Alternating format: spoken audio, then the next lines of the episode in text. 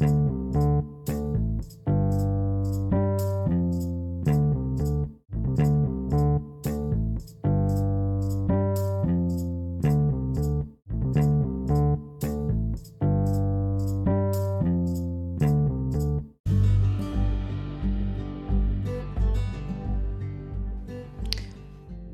assalamualaikum warahmatullahi wabarakatuh. Selamat datang kembali di podcast Bakteri Chat episode 6. Uh, untuk pertama kalinya kali ini uh, saya kedatangan sponsor ya, alhamdulillah. Sponsor dari Tokopedia.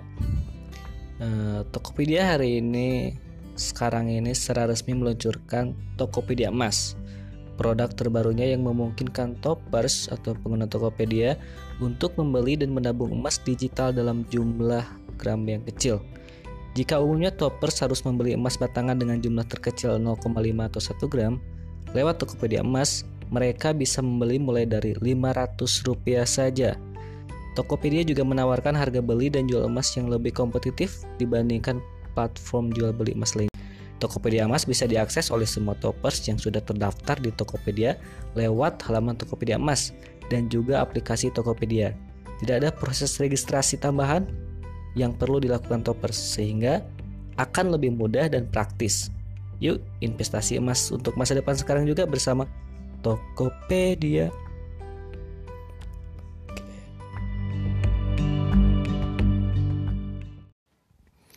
Halo semuanya, apa kabar?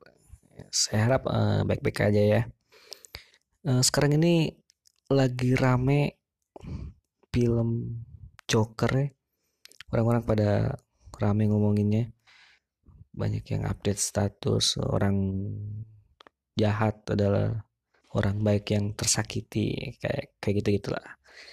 Karena eh film Joker itu uh, dulu ya sejak Sejak Heath Ledger dengan gemilang memerankan Joker in The Dark Knight 11 tahun silam, eh, kerinduan penonton terhadap karakter Joker memang sudah sangat menggebu-gebu. Terlebih karena Jared Leto yang dianggap amat buruk ketika memerankannya di Suicide Squad eh, yang 2016 lalu kalau nggak salah. Dalam artikelnya di Insider Jacob Simpson bahkan menyebut Leto telah gagal dengan spektakuler. Bagaimana kehidupan awal Arthur Fleck di Gotham era 80-an sebelum ia berubah menjadi Joker? Seorang komedian gagal, komedian gagal, badut yang suka dibully di jalanan, pesakitan ceking yang menjadi korban pengeroyokan di atas subway yang sepi, dan secara tekun merawat ibunya yang sakit diperankan oleh Franz Conroy. Nah pada kesempatan itu uh, Arthur Fleck juga diperlihatkan mengunjungi Arkham Hospital dan sempat pula bertemu dengan sosok anak kecil yang diduga merupakan Bruce Wayne alias Batman. Riset tersebut diakhiri dengan penampakan Fleck mengenakan kemeja hijau, rompi oranye, dibalut dengan setelan jas warna merah tengah berjalan di sebuah lorong apartemen sambil membawa seikat bunga. Berbeda dengan Joker di The Dark Knight yang sejak awal sudah memperlihatkan sisi kacaunya atau di Joker di Suicide Squad yang mirip seperti seorang mobster. Dalam teaser Joker kali ini, elemen terpenting yang ditonjolkan adalah bagaimana kekejaman masyarakat kuda menyebabkan Arthur Fleck muak dan berubah menjadi sosok yang keji. Nah, semua itu terangkum semua itu terangkum lewat kata-kata yang diucapkan Fleck dalam satu tarikan nafas. I used to think my life was a tragedy, but now I realize it's a comedy. Aku biasa berpikir hidupku adalah tragedi, tapi sekarang aku sadar hidupku komedi. Ditambah latar lagu Smile karya Charlie Chaplin. Karya Charlie Chaplin ya yang dipopulerkan oleh Nat King Cole yang aransemennya diubah menjadi lebih gelap. Ada perasaan iba sekaligus ngeri ketika menyaksikan riset tersebut. Nah, uh, potret Arthur uh, sebetulnya uh, adalah sudah terjadi di banyak belahan dunia, gitu, termasuk di Indonesia. Kita sedang ada di era di mana perbulian adalah hal yang terjadi sehari-hari di media. Entah itu di Twitter, Instagram, Facebook, atau media sosial lainnya. Dengan mudahnya kita menyakiti orang di dunia maya. Entah itu melalui sindiran, makian, doxing, saling menelanjangi aib masing-masing, ataupun teror. Ada kalanya kita adalah Arthur. Ada kalanya kita juga mengeroyok seorang Arthur. Orang bisa terlihat bahagia di permukaan, tetapi ketika kita nggak tahu apa sebetulnya yang terjadi di balik senyumannya. Nah, kita semua pernah menjadi Arthur. Kita pernah mengerjakan pekerjaan yang nggak kita sukai. Kita pernah kuliah di dan masuk jurusan yang nggak kita suka, minati. Malah ada yang sama sekali nggak bisa sekolah karena alasan finansial.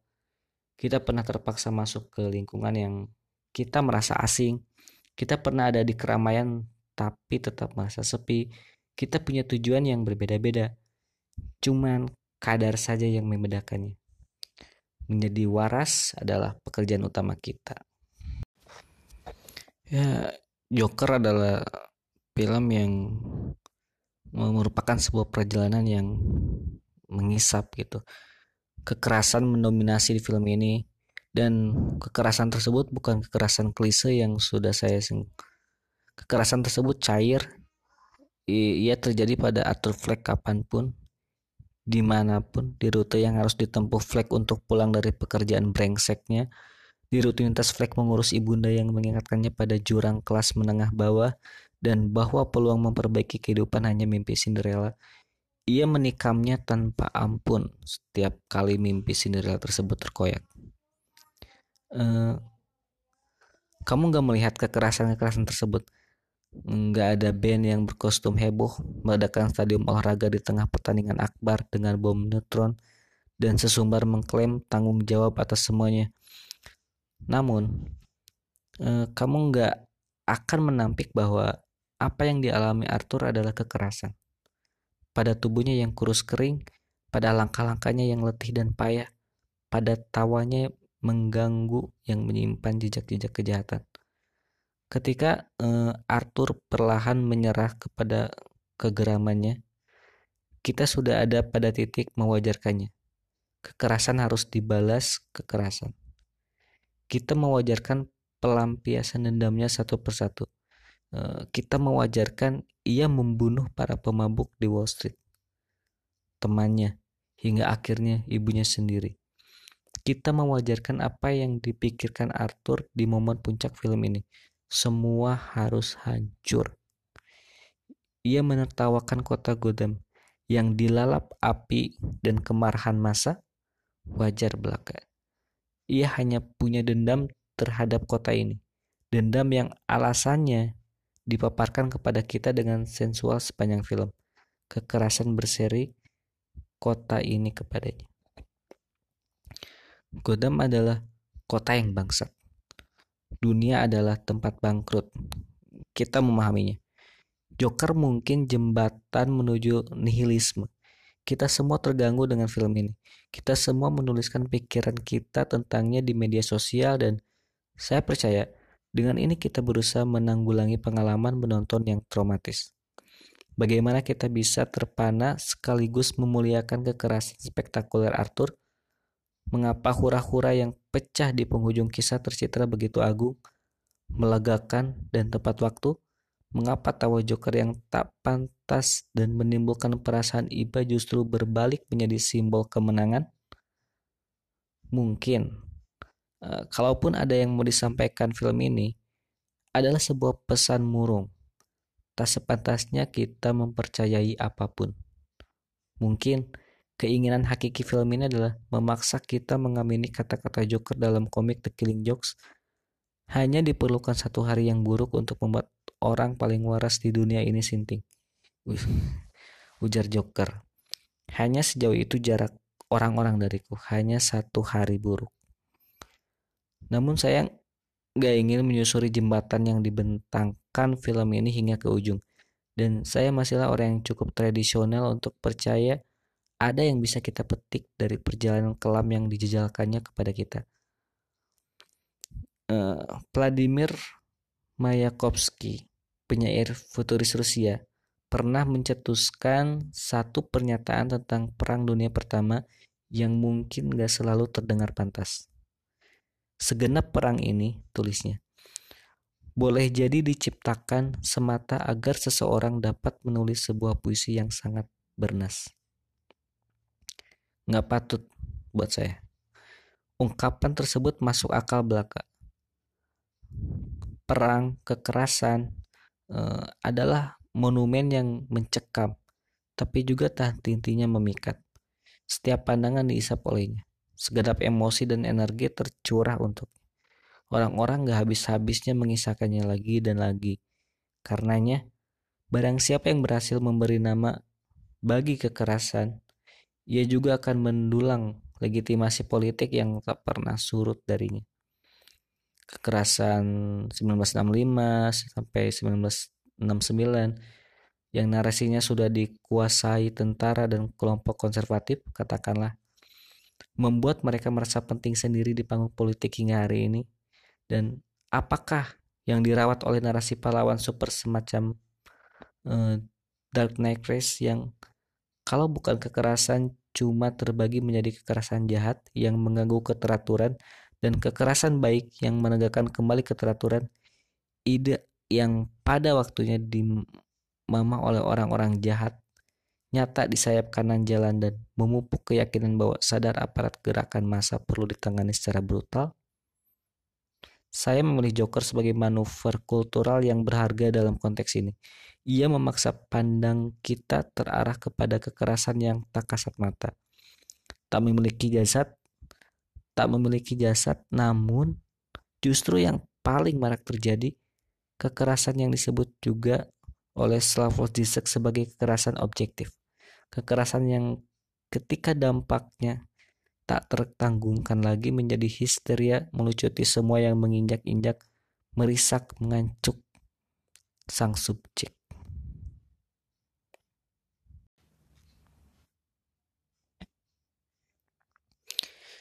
Joker mungkin adalah jembatan menuju nihilisme. Namun eh, dalam perjalanannya ia mengantarkan kita kepada Godam yang lebih telanjang ketimbang yang dihidangkan narasi-narasi pahlawan super. Godam Joker seenggaknya lebih masuk akal ketimbang Godam yang disibukkan kekerasan-kekerasan superficial dan heroisme reaksioner yang muncul dari rahim.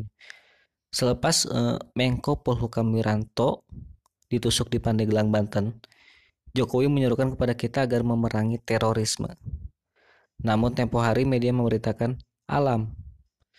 Uh, alam itu orang yang menusuk Pak Wiranto ternyata dia adalah korban gusuran proyek pembangunan jalan tol. Alam tuh, alam yang menusuknya tuh. Ternyata adalah korban gusuran proyek pembangunan jalan tol. Ia dan kedua anaknya terusir dari tanah tempat kelahirannya uh, sejak tahun 2016. Sejak tahun 2016. Nah, semuanya mendadak masuk akal gitu. Joker dan Alam adalah salah satu ya korban korban kekerasan objektif. Oke oke, jadi kekerasan nggak harus secara fisik tapi objektif juga. Jadi berhati-hatilah teman-teman, tetap menjadi orang baik. Oke, sekian podcast episode 6 kali ini. Saya Yusuf Wijaya. Assalamualaikum warahmatullahi wabarakatuh.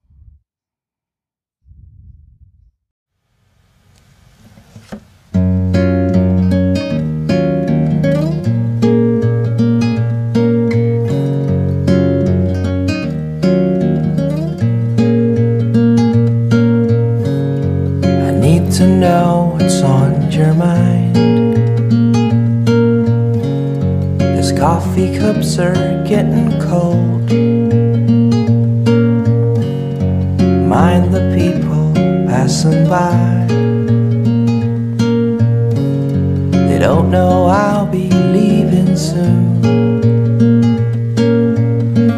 I'll fly away tomorrow to far away. I'll admit a cliche, things won't be the same without you. I'll be looking at my window, seeing Adelaide sky. Would you be kind enough to remember? And I'll be hearing my own footsteps under Adelaide sky. Would you be kind enough to remember me? How, how, how I let you know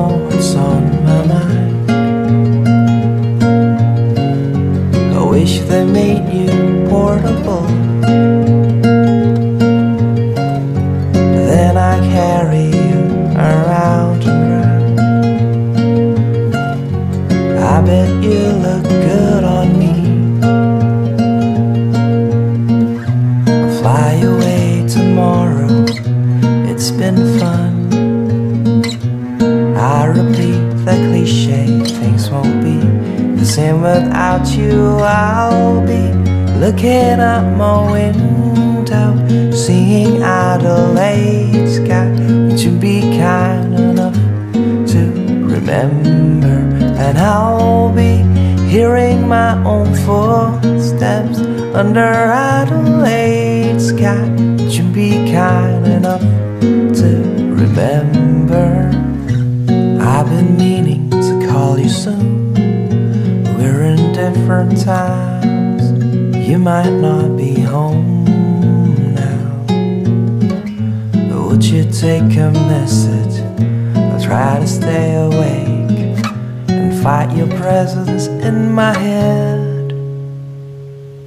And I'll be looking out my window, seeing Adelaide sky. Would you be kind enough to remember?